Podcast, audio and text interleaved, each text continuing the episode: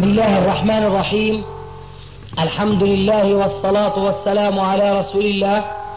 أما بعد فهذا أحد أشريطة سلسلة الهدى والنور من الدروس العلمية والفتاوى الشرعية لشيخنا محمد ناصر الدين الألباني حفظه الله. نسأل الله أن ينفع به الجميع. والآن مع الشريط الثالث والسبعين على واحد هو هذا يعني الحمام اليوم نقدر نتصوره مترين بمترين.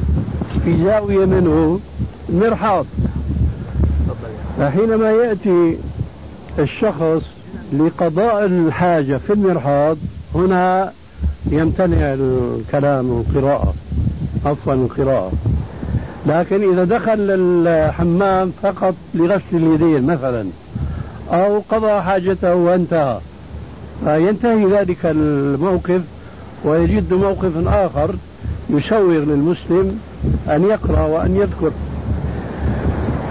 لو فرضنا المغسلة التي يريد أن يتوضأ منها بينها وبين المرحاض أشبار.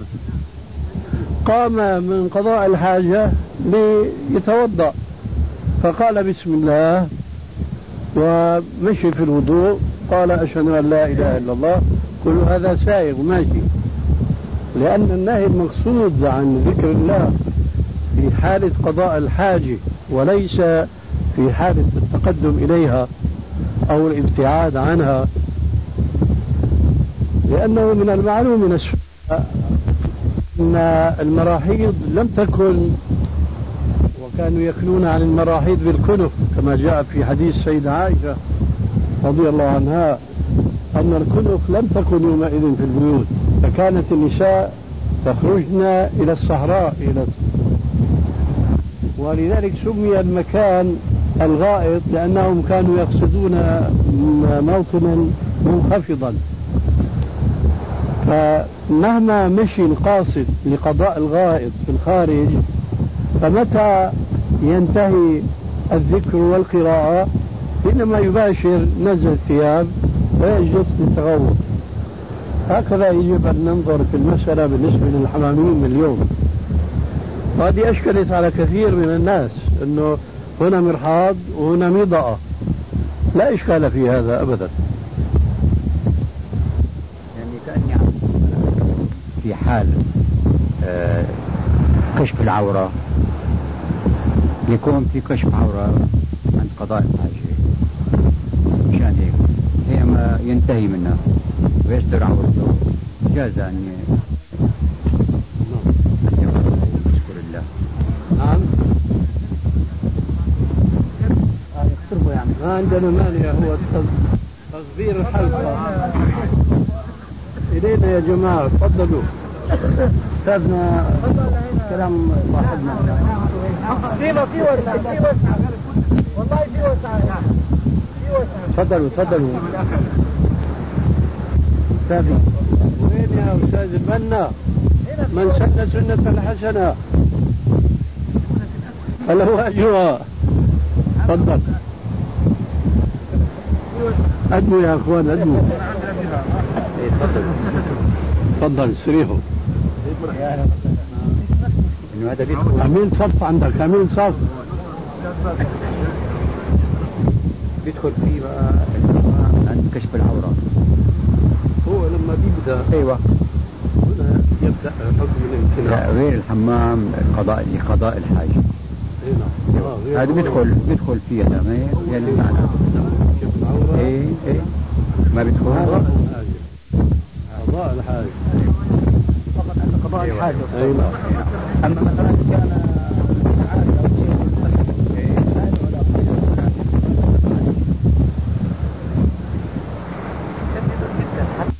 شيء عادي لا لابد من التفصيل. بلغكم مثال انه من الاردن صدر فتوى في عدم القراءة عند الجنابه والتحيض والنفاس قائمة في الأردن راجعوا عنا. بل هيك عن هيك شو شيع بالشام. تراجعوا عنا. مين اللي تراجع عنها يعني؟ يعني الاطراف اللي كانت تفتي بأنه هذا لا يجوز تراجع إيه؟ كان اخونا ابو مالك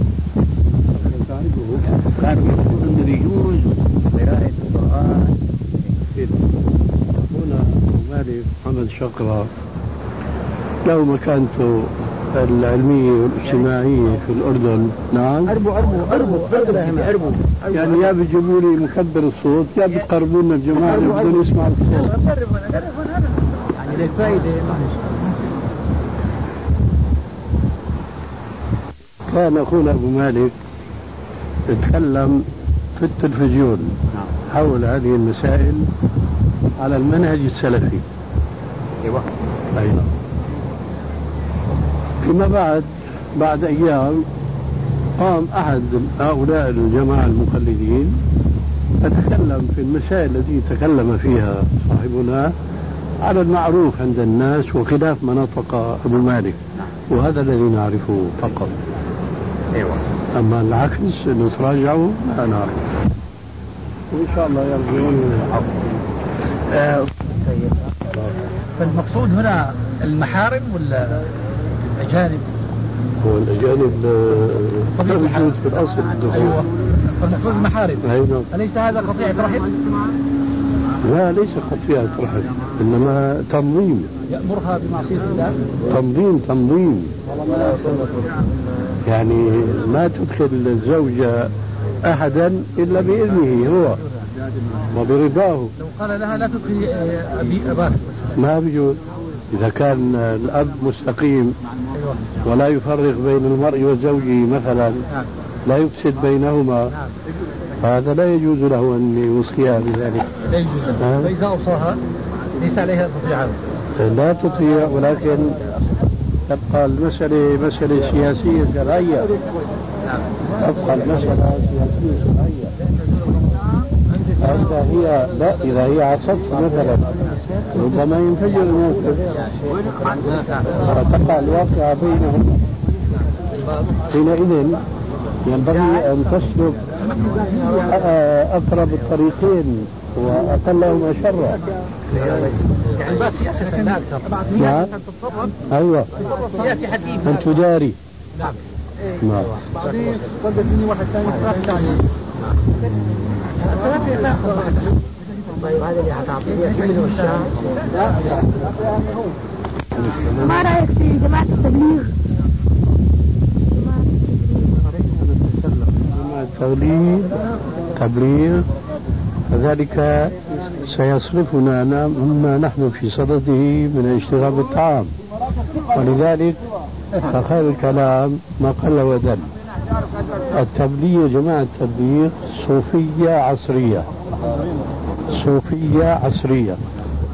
فإذا كان عندك آه، معرفة عن الصوفية وأنها منحرفة عن الشريعة الإسلامية فهي صوفية لكن مبردغة شوي بالعصر الحاضر. لعلك فهمتني؟ في شريط موجود عند شاب هنا اسمه حزام اليماني. رقم 21 هذا خاص عن التبليغ للشيخ هو هو موجود. هي موجود هنا. راح تجده في أحد من حالات التسجيل كمان. أعطيه رقم التلفون أشهد أن لا إله إلا الله. أشهد أن لا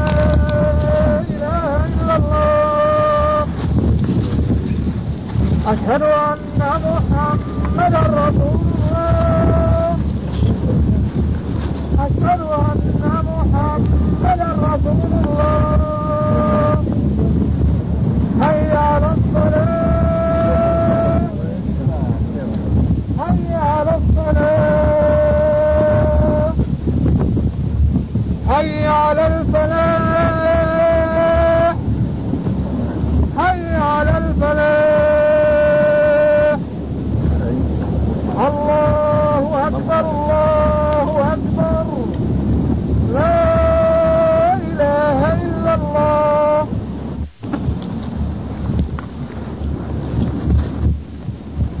خلي في بالك كل هالمشاكل هي أستاذنا يجوز الوضوء في هذه مياه البحر؟ يجوز جاء الحديث صريحا قالوا يا رسول الله نكون في البحر. فتحضرون الصلاة. نتوضأ من البحر. قال هو الطهور ماؤه الحل ميتته. الطهور ماؤه الحل ميتته. الأجنبي. ولا يجوز لنا أن نصنعه. وقريبا كانت الصيادلة عندنا كثير من الأدوية بركبوا تركيب صح ولا لا؟ هلا صار استيراد يعني بكثرة ومنظم أغناهم عن الصنع البلدي فلو انه ما وجد دواء وأراد الصيدلي أن يصنع دواء يركب فيه كحول لا يجوز لو سئل كلمة تدري الجواب؟ أقول لماذا لا يجوز صنع هذا الدواء مع أنه يجوز شراؤه ما دام جاءنا من برا. لماذا لا يجوز صنعه وطنيا بلديا؟ لا ما ما طالبك بالدليل الله يريح بالك. خير الكلام ما قال ودن قل لي لماذا لا يجوز؟ بعدين إذا احتجت أنا للدليل. هذا لأن ما هو دواء ما هنيك عمل مع مواد محرمة. هنيك وين هنيك؟ حالة مع الصيدلي أيوه. هو أصلا ما بيجوز يكون عنده آه، هذا الجواب شايف شو؟ خير الكلام ما قال ودن بدك تجيب لي حديث يمكن يطلع ينفخت معك الحديث يطلع مو صحيح. شو فيه؟ هذا كلام. لأن هذا الصيدلي هل بده يركب دواء من عنده معناه في عنده خمر؟ في عنده أم الخمر وهو الكحول ومين جابوا هذا؟ إما صنعه وإما اشتراه. وكل منهما لا يجوز إسلاميا. وضح لك كيف؟ وهذه نقطة لا يتنبه لها كثير من الناس. يتوهم من قولنا أنه بيجوز شرب الدواء اللي فيه الكحول ما دام لا يسكر أنه كمان بيجوز صنعه. لا يجب التفريق عليكم السلام ورحمة الله وبركاته. يجب التفريق بين أمرين. نعم. فطلب من رسول الله صلى الله عليه وسلم طلب رسول الله استأذن عمر رسول الله في العمرة. فقال لا تنسنا يا أخي من صالح دعائك. مو صحيح الحادثي. هنا لا يقال ما صحيح إيه، شو المعنى الثاني معنى يا أخي ولا معنى لا تنسى من دعائك؟ لا تنسى من دعائي دعائي الرسول يقول للصحابي لا تنسى من دعائي كيف نحكم؟ من صحيح أيوه. هذا إلا قوي. انه هذا بس الجنوب في المسجد. نعم. إيش إيش؟ لا نجد في الكتاب ولا في السنة ما يحول بينه وبين المكفي في المسجد. ولا جنبا إلا عابد حتى تغتسلوا هل يقصد بذلك الصلاة ولا يقصد بماذا؟ لا هو الآية كما تعلمون. نعم. نصها ولا تقربوا الصلاة. نعم.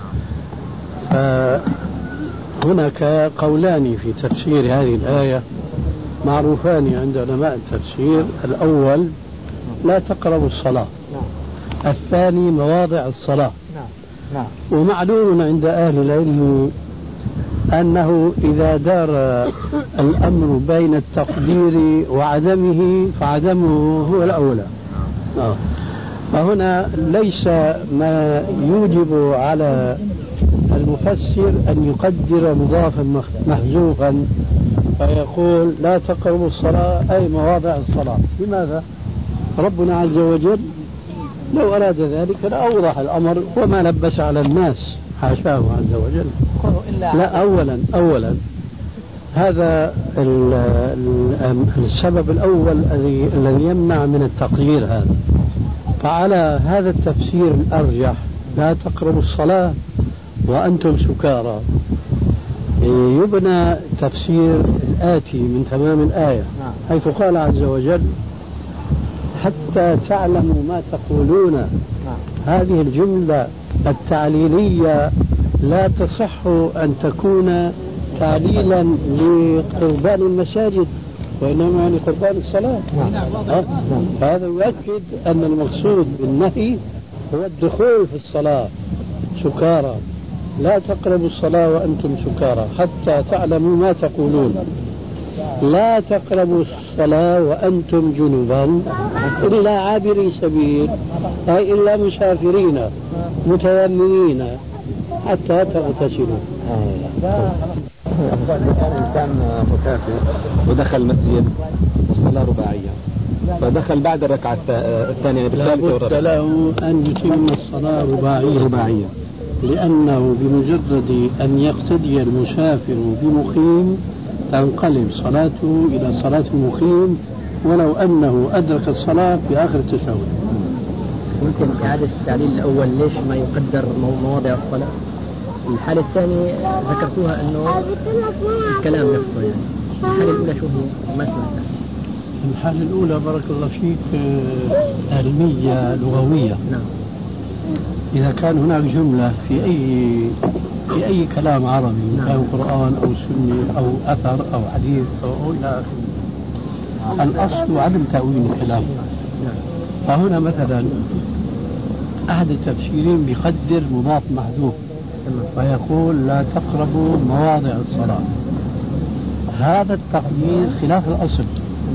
فإذا أمكن فهم الكلام بالتقدير وعدم التقدير فعدم التقدير أولى طيب كان يأمر الحيض أن تجتنبن المصلى في هذا الموضع. يعني ي- يأمر الحيض في العيد يخرجن ويجتنبن المصلى. ما يكون أرجح قول من يقول بأن موضع الصلاة؟ لا. نحن نقول هكذا. نحن نقول هكذا. نعم. لأن المصلى مكان الصلاة. نعم. وهن لا يصلين. نعم. فإذا النبي متأخر على المصلى. ليس فيه نص على أنه لا يجب لا يجوز لهن أن يدخلن المسجد. لا يجوز لهن أن يمكثن في المسجد. لا يجوز لهن أن يمكثن في المسجد إذا منعوا الطائرات من الصلاة. أن يح أن يحتللن أماكن الطائرات ثم حديث السيدة عائشة. نعم. بروايتيه وبقصتيه دليل صريح على الجواز. أما الحديث الأول ففي صحيح مسلم أن النبي صلى الله عليه وسلم قال لعائشة يا عائشة ناوليني الخمرة من المسجد. قالت يا رسول الله إني حائض.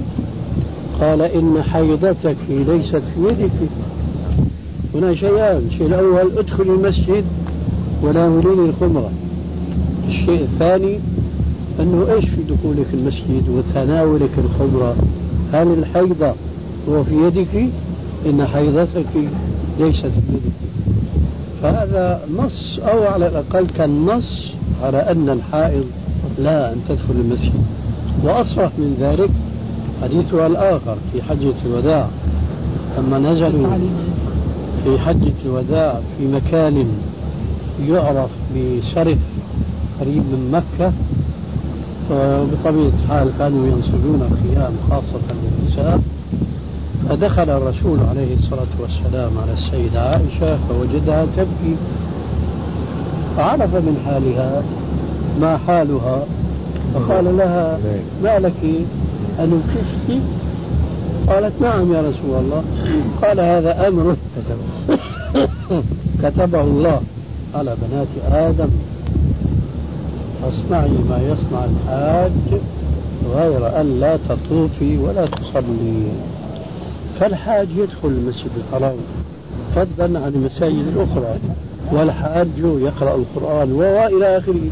فأباح لها أن تصنع وأن تفعل كل ما يفعله الحاج سوى الصلاة والطواف به ولو أنه عليه السلام أراد منها أن لا تدخل المسجد لكان من الأولى بنا فضلا عنه عليه السلام أن يقول لها لا تقرب المسجد. لأنها إذا لم تقرب المسجد لم تستطع أن تترك. والنهي عن الجزء لا يستلزم النهي عن الكل أما بالعكس اللي ياكل أبو لا هنا في مسألة أخرى هذه خلافية. هل السعي طواف أم ليس بالطواف هذا أولا. ثانيا هل هناك سعي بدون طواف؟ ليس هناك سعي بدون طواف، إذا لا ليس لها سعي. بطبيعة الحال ثم حاضت أنا مربوط بالطواف. وحاضت كويس. نحن نرى أنه لا يجوز لها السعي لأنه الآية التي تقول آه، فلا جناح أن يطوفوا بهما. أما السعي طوافا ألا تطوف. إلا وهي طائف يعني السعي يحتاج وضوء معنى أستاذنا طالبات هذول قراءة القرآن. حائضة هكذا السنة فقط هي مشاكل الناس أما التقليد فهو بعقد الأمور على الناس. الآن أكثر الفتيات أكثر المدارس والكليات يخالفن الشريعة التي يديننا الله بها. وعلى رغم أنف مشايخهم وهم يعلمون. بينما السنة أوسع من ذلك. الجنوب مثلا. يقال له تطهر أن تقرأ القرآن بدون مس وأنت طاهر متطهر خير لك من أن تقرأه وأنت جنوب لكن المرأة الحائض لا يمكن أن يقال لها ذلك لأنها لا تستطيع شرعا أن تطهر حتى تطهر لذلك تستطيع أن تقرأ وتمس ثم انظر ماذا يلزم من هذه التعقيدات والتشديدات من إضاعة فوائد شرعية منها.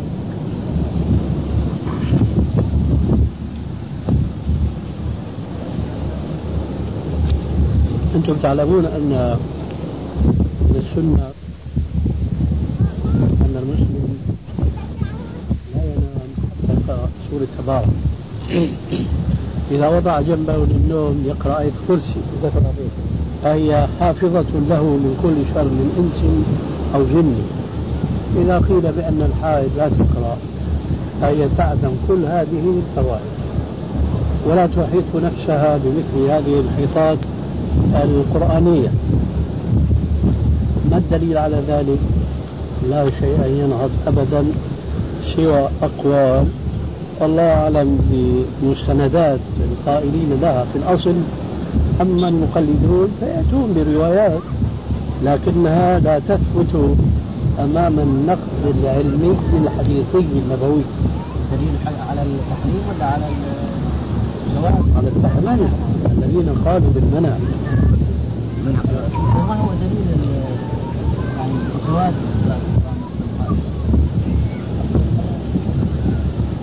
ما اسمع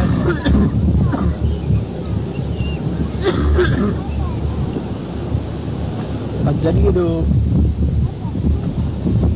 حسب المنطق العلمي نوعان.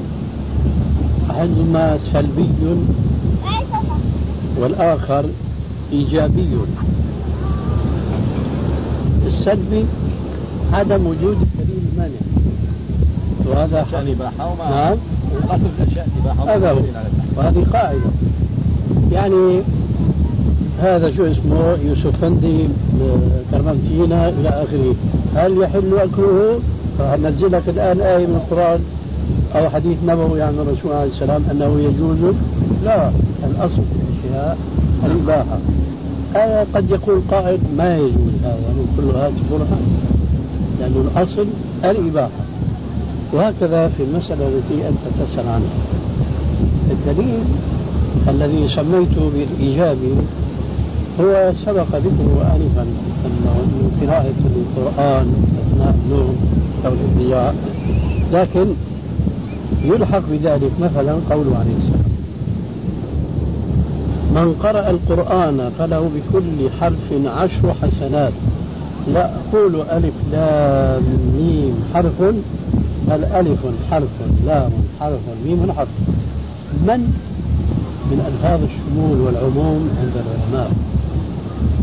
يعني إذا أردنا أن نفسر بعبارة أوضح كل من قرأ القرآن فله بكل حرف عشر حسنات ترى يدخل تحت هذه القاعدة الكلية الحائط والجنوب لا أحد يستطيع أن يقول لا إذا هذه الأدلة هي دليل على جواز قراءة القرآن في أي حال كان الإنسان.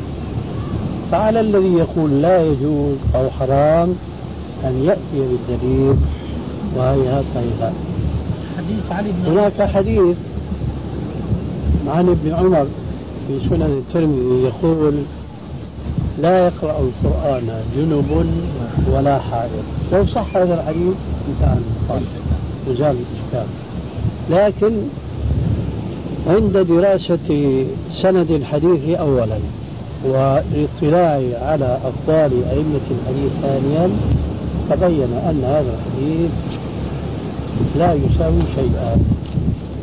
فإسناده ضعيف والإمام أحمد يقول فيه حديث منكر. حديث منكر. حديث آخر.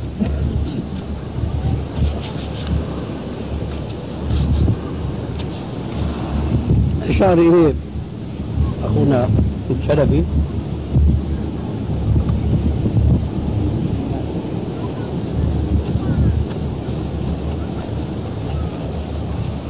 هو ضعيف أيضا.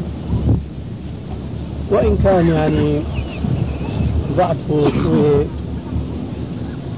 ليس شديدا كالأول. لكن لو صح فليس فيه دليل على التحريم نفسه لأن الحديث يقول كان رسول الله صلى الله عليه وسلم يقرئنا القرآن في كل أحواله ليس الجنابة. هذا فعل الرسول كان يقرئهم القرآن إلا في حالة الجنابة هذا لا يدل على المنع. ممكن أن يقال يدل على الاستحباب على الأفضلية وهذا لا إشكال فيه ولا نزاع. أن الإنسان يقرأ القرآن وهو على طهارة كاملة شك أنه أفضل. لكن البحث حرام لا يجوز. هذا الحديث لو صح ما دل على ذلك. لا سيما وهو معارض بحديث صحيح في صحيح مسلم من رواية السيدة عائشة رضي الله عنها قالت كان رسول الله صلى الله عليه وسلم يذكر الله في كل أحواله أو أحيانه. هذا عكس ذاك. أي ليس فيه استثناء مع أنه صحيح الإسناد في كتب طال عمرك يعني مخرجة أو حديث صحيحة للأدعية الواردة الثابتة عندك رسالتي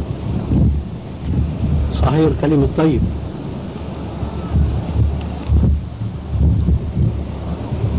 فهي مقصودة من أجل تحقيق هذه الغاية الأدعي والأذكار. عن الرسول عليه السلام. هو كتيب صغير هكذا مطبوع. نعم. أنا أقول أنا كتيب صغير مش واسع مش جماعة فأوعى. لا. وهل هناك إنسان يستطيع أن يحيط عملا بكل أدعية الرسول وأذكاره أنت إذا كنت حفظت صحيح الكلمة الطيب وطبقته بتكون ولي آخر الزمان طيب كلام النووي إنه روايات ابن السني هذا إنه إذا ما ذكرت عنها أي شيء فتعتبر صحيحة أو قريبة من الصحيح. لا مو صحيح. بعيد هذا يكون ضعيف كمان. آه كثير. نعم لذلك هذا فيه شيء كثير منه. في دعاء للشكر لله عز وجل دعاء خاص. الشكر الشكر لله عز وجل. ما أعلم. بالنسبة الحلال وبين الحرام وبين بينهما أمور مشتبهات. نقدر نطبق قاعدة آه الأصل في الأشياء التخليل وفي العبادات التحريم. لو أنا في عندي موضوع في شبهة. هو من, من الأشياء. بدي أقول طالما في شبهة فأنا المفروض أني هو كقول تخليل وفي العبادات التحريم. لو أنا في عندي موضوع في شبهة. هو من, من الأشياء. بدي أقول طالما في شبهة فأنا المفروض أني هو طبق عليه القاعدة إنه هو حلال. كان عليه شبهه بدأ طبقها القاعدة. هي لما حكى ممكن ممكن لكن في هناك مرتبتان. مرتبة فتوى ومرتبة تقوى. والذي تدندن حوله أنت هو عليه الفتوى. لكن التقوى اجتناب ما فيه شك. لقوله عليه السلام دع ما يريبك إلى ما لا يريبك هذا هو الأحوط لكن إذا لم يفعل الإنسان لا يكون عاصيا. موضوع العطورات. إيش؟ موضوع العطورات. عطورات. اللي فيها كحول كحول سمعت عنك إنه إمتى سمعت عني؟ والله يعني أظن أبو بكر وعبد الهادي حكوا لنا انه السنة الماضيه وقت اللي جيت لهون. جالك من جنب اخذنا مو الموضوع على ضرب ولا ما كنت والله ما ما, كنت موجود. ما كان معنا. نعم. إيه خلاصة شو سمعت؟ سمعت إنه آه، إنه الاطباء قالوا لك إنه هذا الكحول اللي موجودة داخل العطورات. مو هي اللي يعني فيها عليه الصلاة والسلام الشيء المحظور منه. شو اللي بيعني الرسول عليه السلام؟ طبعا من الخمور. هي عندك الطبيب الصيدلي شوف اسأله هو هذا صاير فينا كلياتنا كلمة كحول مرتبطة بذهننا إن هي إنها مسكر بأي شكل من الأشكال. إن شاء الله نقطة يعني مثل ما وإن شاء الله بحر. هي مسكر فهي كونها موجودة بأي مكان فهي ما بتجوز. بينما القاعدة اللي ما أذكرك اللي, لازم نوصل لها إنه آه، لازم ننظر لل- للمادة المسكرة اللي قدامنا يعني نتعامل معها إذا كانت كثير منها يسكرك فهي ما هي مسكرة عرفت كيف؟ أيوة. يعني أنت ما تتعامل مع مع مادة كحول قيمة من كلمة كحول طيب هل هي مسكره؟ هلا أنت لو كثير العطر عندك. أنت عنيد العطر إيه. لو شرب واحد سك- وسكر فيها شو بتكون؟ تسمم هذا هلا هون لا مو كل ما مسكرة هي مسكرة من ناحية المسكرة بس من غير المواد أيوة. كيف؟ إيه. لكن أنت بجوز تتعامل معها بجوز تمنعها هي ثانية مثلا هو يمكن الأخ عودة هذا بحاجة إلى أن يعرف من الناحية الكيميائية ما هو ما هي المادة التي تجعل السائل المسمى بالخمر مسكرا شو هي المادة؟ المادة التي تجعل الخمر مسكر. أنت بتعرف مثلا الخمر فيه ماء. صحيح؟ فيه سكر مثلا. إذا شو هي المادة اللي بتجعل السائل هذا الذي بيسكروا فيه الناس ما هي هذه المادة؟ تعرفها؟ بس اسأل بقى الصيدلي وبيحكي لك أحسن منك. هو صاير انت ما انه دائما لما بتقول بدنا انه سبب الاسكار الإسكار هو الكحول الايثيلي حتى الاخ الطبيب نفس الفكرة كلياتنا بينما الواقع في مواد كثير نتعامل معها بسكونها أطباء تعطينا نوع من الاسكار وان كان خفيف. مثل مهدئات مثلا. أو لهات هيستامين بجرعة معينة. هي مسكره بال 100% شكلها شكل إسكار تماما. ما حدا ما حدا بيحكي فيها. لكن هي تماما. معلش معلش تعلم أنا أولا ثم بقية الإخوان ثانيا شو جوابك عن السؤال السابق باعتبار هذا تخصصك؟ ما هي المادة التي تجعل هذا السائل مسكرا؟ لا. لا إذا سمي لي. هو الكحول آه. لكن دي نعم. الكحول ايثيلي بشكله الصافي بشكله الصافي أخذ الواحد الواقع أما يفتح حيتم هو مشاكل ثانية ثم حيتسمم مش حيفتح حيتسمم هاي. الواقع تركيز المادة تركيز الكحول الإيثيلي هو السام هو المسكر مسكر مو هو الماء مو كحول إيثيلي بي بي بي كمان يعني- لأنه الحقيقة إحنا بنتعامل حتى يعني يمكن حتى اليوسف افندي نحن فتحنا القشره تبعها فيها كحول. آه. فيها كحول. صحيح. كثير مواد إحنا بنتعامل معها فيها كحول. صحيح. حتى الخميرة فيها كحول. حتى الخميرة بتمر بتخمر كحولي. لكن ال- ال- القصد مو يعني إحنا ما هيك ببالي يعني دي نتخيل تعاملي يعني. هلا من النقاش اللي ناقشته معكم مع الدكاترة دائما نحن منطلقين من النقطه إنه الكحول الإيثيلي بأي نسبة بأي تركيز بأي شكل هو المسكر. وبننسى إنه في شيء اسمه تركيز وبننسى إنه في مواد ثانية ممكن تسبب تعمل اسكار لكن ما هي كحول ايثيلي عم تنضاف لها يعني مثل ما قلت ما حد يعرف أن بين المادة المسكرة وبين المادة المخدرة. نعم. نعم. لا ما ما ما هي مو مثل بعض. التحديد آه في فرق. التخدير لأنه ليس في المد المخدرة ما خدر كثير من المخدرين الأعراب حتى المخدر حتى المخدر تأثيره الاثنين ما يختلفوا عن بعضهم. واحد يأثر منطقة ثانية يؤثر منطقة ثانية لا؟ طيب مخدرات مخدرات. انت على على على مركز النوم. شكل عميد. هيك مسكر شغلات بالك شيء بينما الكحول أكيد تحت اثنين ما ما بينطبقوا على بعض. اثنين تاثيرهم ينطبقوا أما مثلا في الهستامين بمقدار معين بيأثر بنفس المنطقة اللي بيأثر فيها نفس الآلية. يعني الكحول الاتيلي بيعمل تناقض على ال- على النهايات العصبيه أحيانا الانتي بيعمل تناقض طيب هلا هل يعني فارماكولوجيه مش مع بعضهم. لكن المخدر لا. المخدر لأنه تاثيره مركزي. مثل الشغلات في حدا من الحاضرين عنده علم؟ عن جوز الطيب؟ تفضل. دهون نعم. كيف؟ دهون دهون وما ما في مادة مخدرة؟ ما في هذا أو مثل فيها خميرات هي فيها مادة عطرية. هذه فيها مواد عطرية هي كاتشولات وفينولات هي هي تعطيها نكهتها هي كاتشولات بس علما المادة الكاتشولات هي بيصنفوها من ناحية كيميائية بال- بالكحولات مو كحول الجليسرين يعني جليسرين السيرات السيرات الجليسرين مصنفه تحت الكحولات الاسترات هي ال- الاحمر الدسمي الاحمر الدسمي عفوا الدسم هي الاسترات السيرات هي عبارة عن ما بين. مثلا شو بستاذ الدسم. وين أبني؟ محمد؟ ها؟ بدك تراقب الوقت بحيث آه، ندرك صلاة المغرب في المسجد هناك عندنا. ربع ساعة. ها؟ ربع ساعة. لا تفرق. وتعلمون أن كثير من النساء وغير النساء يأخذون منها شيئا لتطيب الطعام. آه. فهذا لا يقال فيه حرام قياسا على ما أسكر كثيره خلوع لأنه هذا ليس مسكرا هذا جواب الأخ هنا ل لما يكون في شوية كحول ما مثل ما قلت أنت البرتقال وكل هذا فيه كحول لا بالنسبة للخل اللي بعرفه أنا إنه لابد ما يتفكر فيه شوية كحول ممكن لكن خرج عن دائرة إسكار بس الكحول من الناحية الكيميائية من الناحية الكيميائية ما ما هي مادة واحدة كحول إيثيلي في عندنا أصناف كثير مثلا جليسرين مثلا.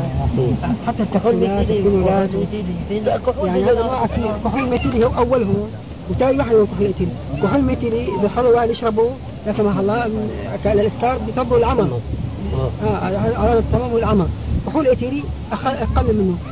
كل ما بيعلى ال- كل ما بيعلى الكحول بمرتبته بيصير أقل اسكارا بتزيد طعمته الحلوة. السكريات تعتبر كحولات من الناحيه الكيميائيه بدليل إنه لما من بنخمر السكر بيطلع كحول. يعني نحن السكر عبارة عن جزيء مركب من الكحول لما بنخمره حيظهر الكحول الايثيلي هي السكريات هي تعتبر ماده كحول يعني. مو ماده كحوليه لا. رأيي فهل هذا الجهاد مع الأفغان واجب بحيث يؤهلهم للخروج من غير إذن الوالدين؟ والله هذه من المسائل الشائكة التي من الصعب القول فيها بجزم. لأنه كون الجهاد في أفغانستان واجب عيني هذا لا شك فيه ولا ريب. والواجب العيني لا يستشعر فيه أب ولا أم لكن من جهة أخرى هذا الواجب العيني ليس واجبا فرديا إنما هو واجب الأمة. والأمة اليوم كما نرى مع الأسف متفرقة بعضها على بعض تحسبهم جميعا وقلوبهم. فإذا نظرت إلى المسألة من الجانب الأول أنه واجب فلا يستأذن. وإذا نظرت إلى أن هذا الواجب يجب أن يكون تحت راية إسلامية وإمام يقود المسلمين جهاد في سبيل الله وهذا غير موجود. فإذا هذا الواجب غير ممكن إقامته ولذلك الحقيقة أنا لا أقول لأحد استشر أو لا تستشر وأقول من شاء أن يجاهد قد طريق ما أمنع من ذلك لكن لا أقول بالوجوب إلا إذا توفرت الأسباب وقد أشرنا إلى آنف آنفا إلى بعضها.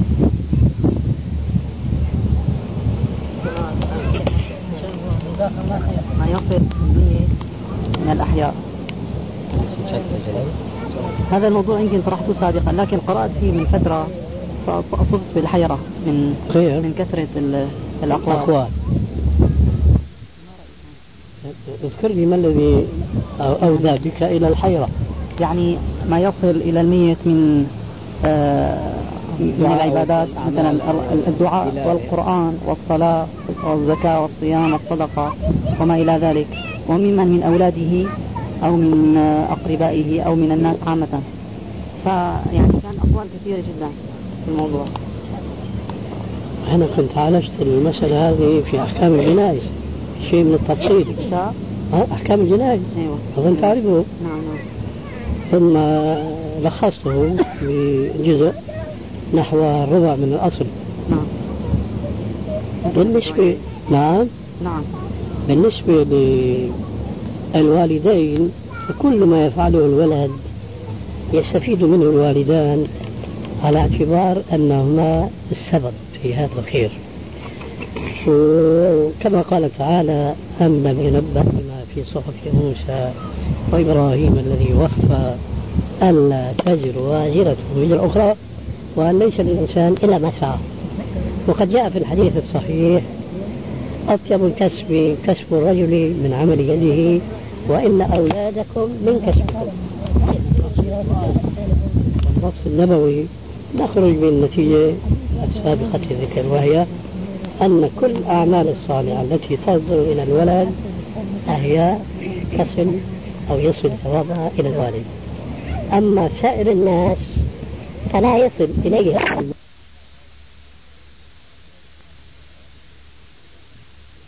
ربنا اغفر لنا ولإخواننا الذين سبقونا بالإيمان. ربنا اغفر لي ولوالدي وللمؤمنين يوم يقوم الحساب. فهذا الدعاء يشمل جميع المؤمنين. أما الأعمال الصالحة فليس ينتفع به- بها إلا صاحبها مع شرط القبول وإلا من كان سببا لهذا العمل الصالح. بمعنى ما ذكره الرسول عليه السلام في الحديث الصحيح إذا مات الإنسان في الرواية الأخرى ابن آدم انقطع عمله إلا من ثلاث صدقة جارية أو علم ينتفع به أو ولد صالح يدعو له. الشاهد من الحديث هي الفقرة الوسطى أو علم ينتفع به. فرجل مثلا توفي وخلف من بعده تلامذة ينشرون العلم. فما دام هؤلاء التلامذة ينشرون العلم فأجر هذا النشر يصل إلى هذا العالم المتوفى في قبره. لأنه كان سببا في هذا العلم. أو مثلا ألف كتابا والناس ينتفعون منه بعد وفاته لأن هذا من آثاره. وقد قال تعالى ونكتب ما قدموا وآثارهم. فهذه القاعدة الأبوان يصل إليهما أجر عمل الولد.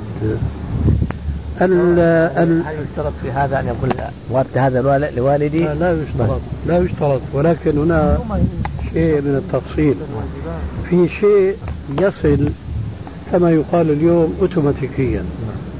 لكن الأفضل إذا أراد الولد أن ينفع والده أو والديه وهما في قبريهما أن يخصهما ب- بالنية. يعني أن يقول مثلا هذه الصدقة عن أبي هذه الحجة هذه العمرة عن والدي أو والدتي.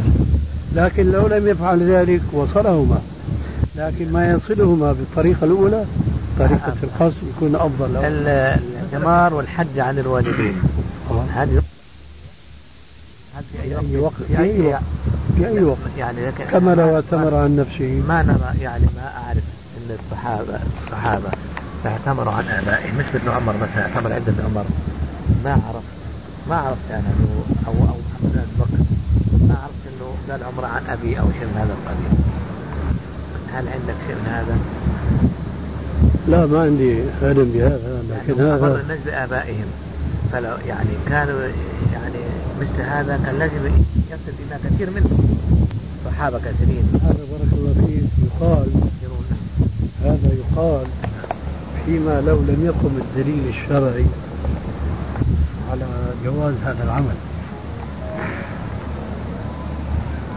أما إذا قام الدليل الشرعي لسنا بحاجة أن ينقل إلينا هل فعل الصحابة ذلك؟ يعني مثلا. إذا سمعتم المؤذن فقولوا مثل ما يقول ثم صلوا علي ثم اسألوا الله لي الوسيلة. هل علمت أن ابن عمر سأل الله الوسيلة؟ أقول تسمع الفارق أنا أقول لا أعلم. معليش معليش آه لا أعلم. لكن لنصل للنتيجة. لا أعلم. لكن أقول تسمع الفارق. مش قياس هذا بارك الله فيك. نعم. هذا مثال. مثال نعم. مثال. لقولي السابق. ماذا قلت؟ نعم. قلت إذا قام الدليل الشرعي نعم. على شرعية شيء ما لا نطلب مثالا من عمل السلف. وهذا هو. كما تفضلت الآية وأن سعى نعم.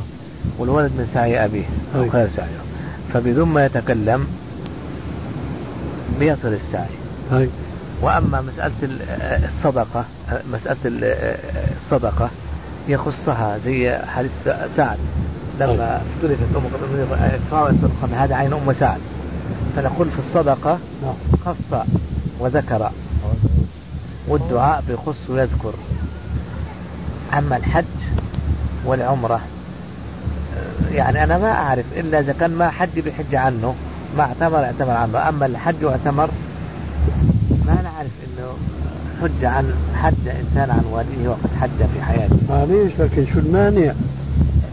المانع وايش الفرق؟ اولا ما المانع؟ ثانيا إيش الفرق بين الصدقة وبين الحج؟ بارك الله عليك صدق نص عليها والعمل من ولد كسب أدين وما كانوا يتكلمون فماشي أوتوماتيك زي ما تقول سيادتك ما في تخصيص لكن في الصدقة أخصص يعني مثلا حدي لكن ذكر الشيء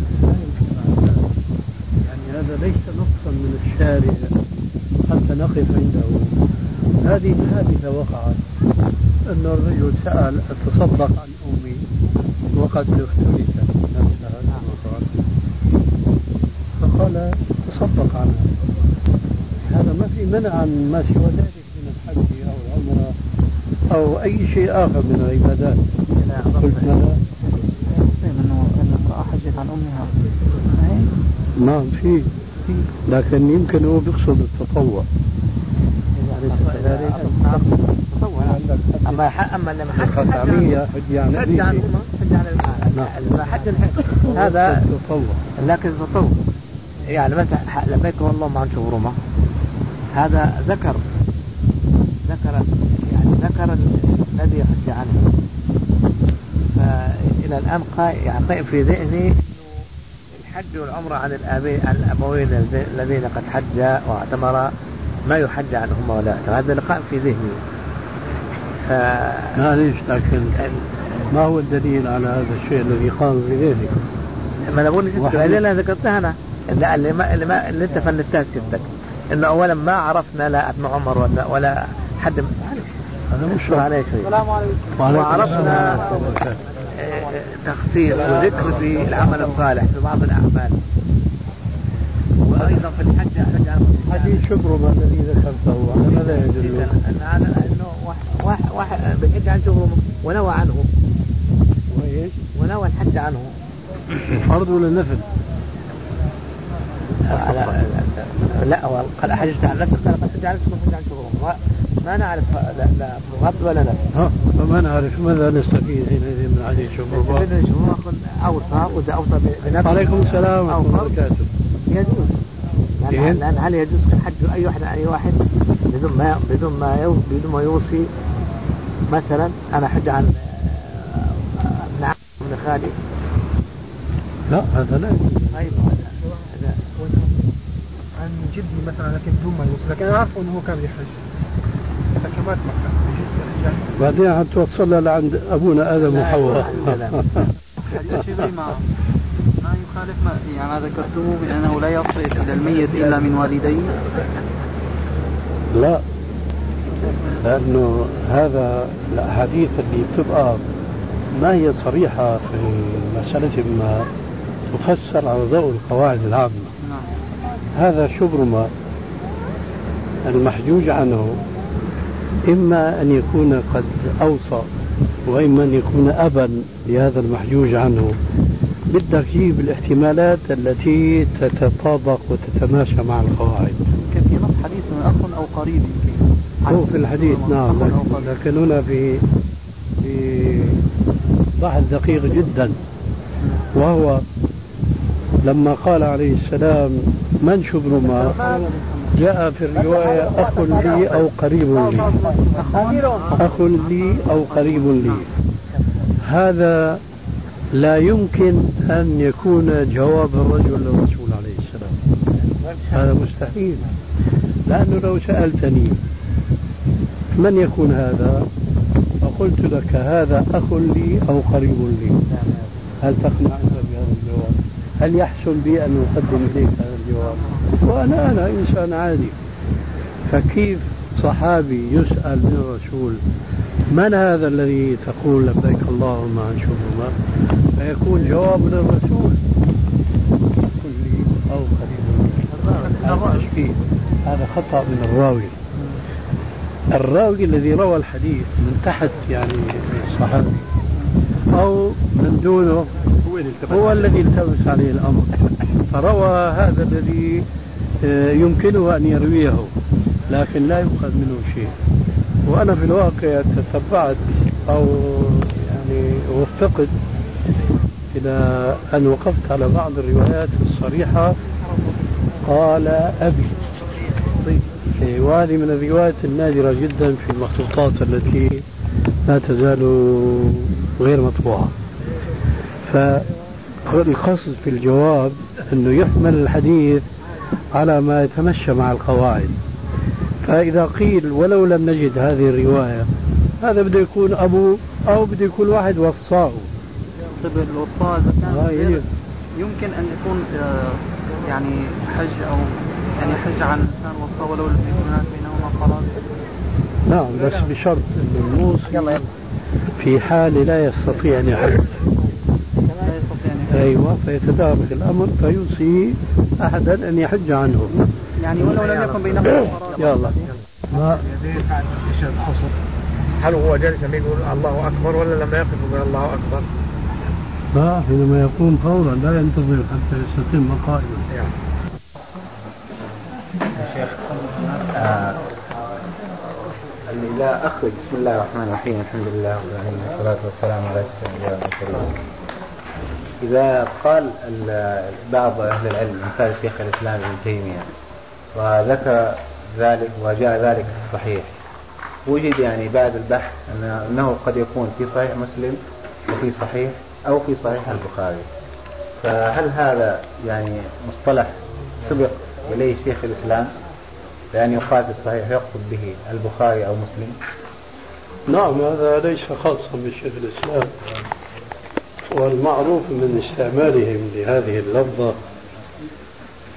أن المتلفظ بها إنما يلجأ إليها حينما لا تساعده ذاكرته على تحديد المصدر الذي يعزو الحديث إليه أهو صحيح البخاري. أم صحيح مسلم ولذلك يستقرب الأمر فيقول جاء في الصحيح أي في أحدهما دون أي تعديل هذا هو قصدهم. وهناك اصطلاح آخر آه، يراد أحيانا إما قصدا وإما سهوا بالصحيح أي الحديث الصحيح. دون أن يقصدوا بذلك أحد الصحيحين. يعني جاء في الحديث الصحيح يراد به أولا المعنى السابق أي في أحد الصحيحين. أحيانا يراد به جاء في الصحيح أي في الحديث الصحيح دون أن يقصد القائل به أحد الصحيحين. طيب خليه نعم.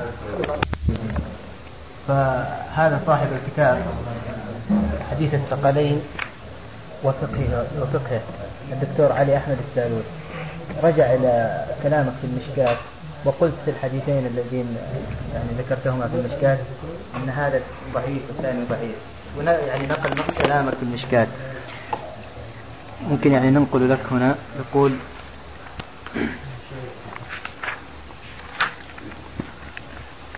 ذكر ذكر الرواية رقم كذا ثم ذكر الحديث قال رواه الترمذي والرواية الأخرى نصها كذا. يقول هاتان هما الروايتان من التخريج فهو كما يلي. فذكر قلت أي الألباني وإسناده ضعيف. والرواية الثانية وقال حديث حسن غريب قلت وإسناده ضعيف لكنه شاهد للذي قبله. هذا ما قرأته ونقلته بنصه والضعيف الذي يشهد الضعيف لا يرفعه لمرتبة الصحيح بل قد لا يزيده إلا ضعفا فما رأيك في هذا الكلام؟ ثم إذا صح الحديث ما رأيك لأنه حقيقة بالنسبة لي أنا مشكل هذا الحديث لأنه لا يتفرقا حتى يردا الحوض وهم عترة الرسول صلى الله عليه وسلم أو أهل بيته. ونحن نجد الآن من أهل البيت وهم يعني أهل الآن وأقاربي يعني أنا من أهل البار كما يقولوا يعني أننا من أهل البيت. أجد أنهم بعيدين عن السنة وفيهم كثير من الخرافات والبدع وإلا من رحم الله. ففعلا أنا في حرج كبير جدا الآن. أزاله الله. ها؟ أزاله الله. إن شاء الله. إن شاء الله. وهم يحتجون بهذا الحديث دائما. يعني نحن على يعني أهل البيت ونحن لن نتفرق مع كتاب الله إلى يوم القيامة وحتى نرد الحوض والرسول أوصى بنا وكذا وكذا إلى آخره يعني. فأولا يعني نريد الكلام منك على صحة الحديث. ثم على وجزاكم الله خيرا.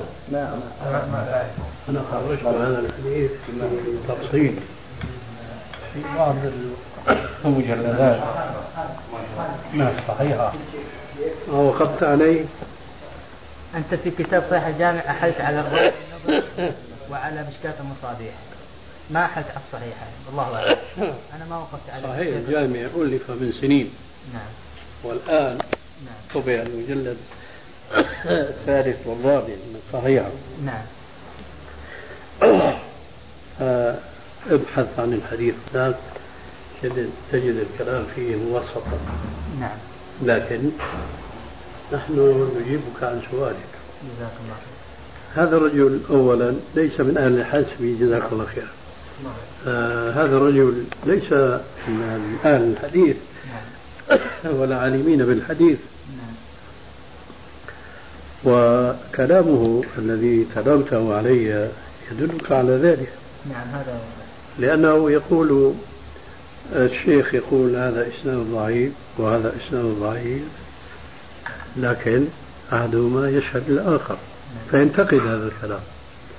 طيب هذا هذا الكلام ينتقده ما حجته في مصطلح الحديث؟ مع مع اعتراف أهل المصطلح بأن الحديث الضعيف يقوي بعضه بعضا إذا لم يشتد ضعفه. وهذا الشرط هنا تحقق لم يشتد ضعف أحدهما بالآخر بل قد رأيت الترمذي حسن أحدهما. فإن كنا نحن لم نوافقه على التحسين لذاته فعلى الأقل نوافقه على التحسين بشاهد بشاهده. المية الله يسلمك مع ذلك للحديث طرف أخرى خرجتها في المصدر المذكور المشار إليه آنفا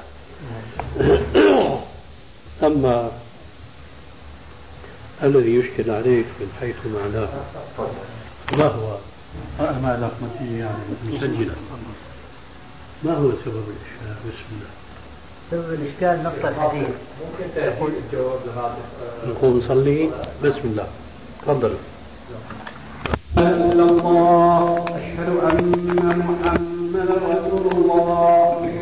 حي على الصلاة. حي على الفلاح. قد قامت الصلاة. قد قامت الصلاة. الله أكبر. الله أكبر. لا إله إلا الله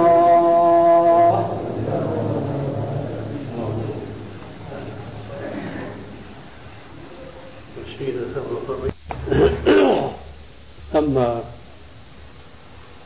الذي يشكل عليك الذي يشكل عليك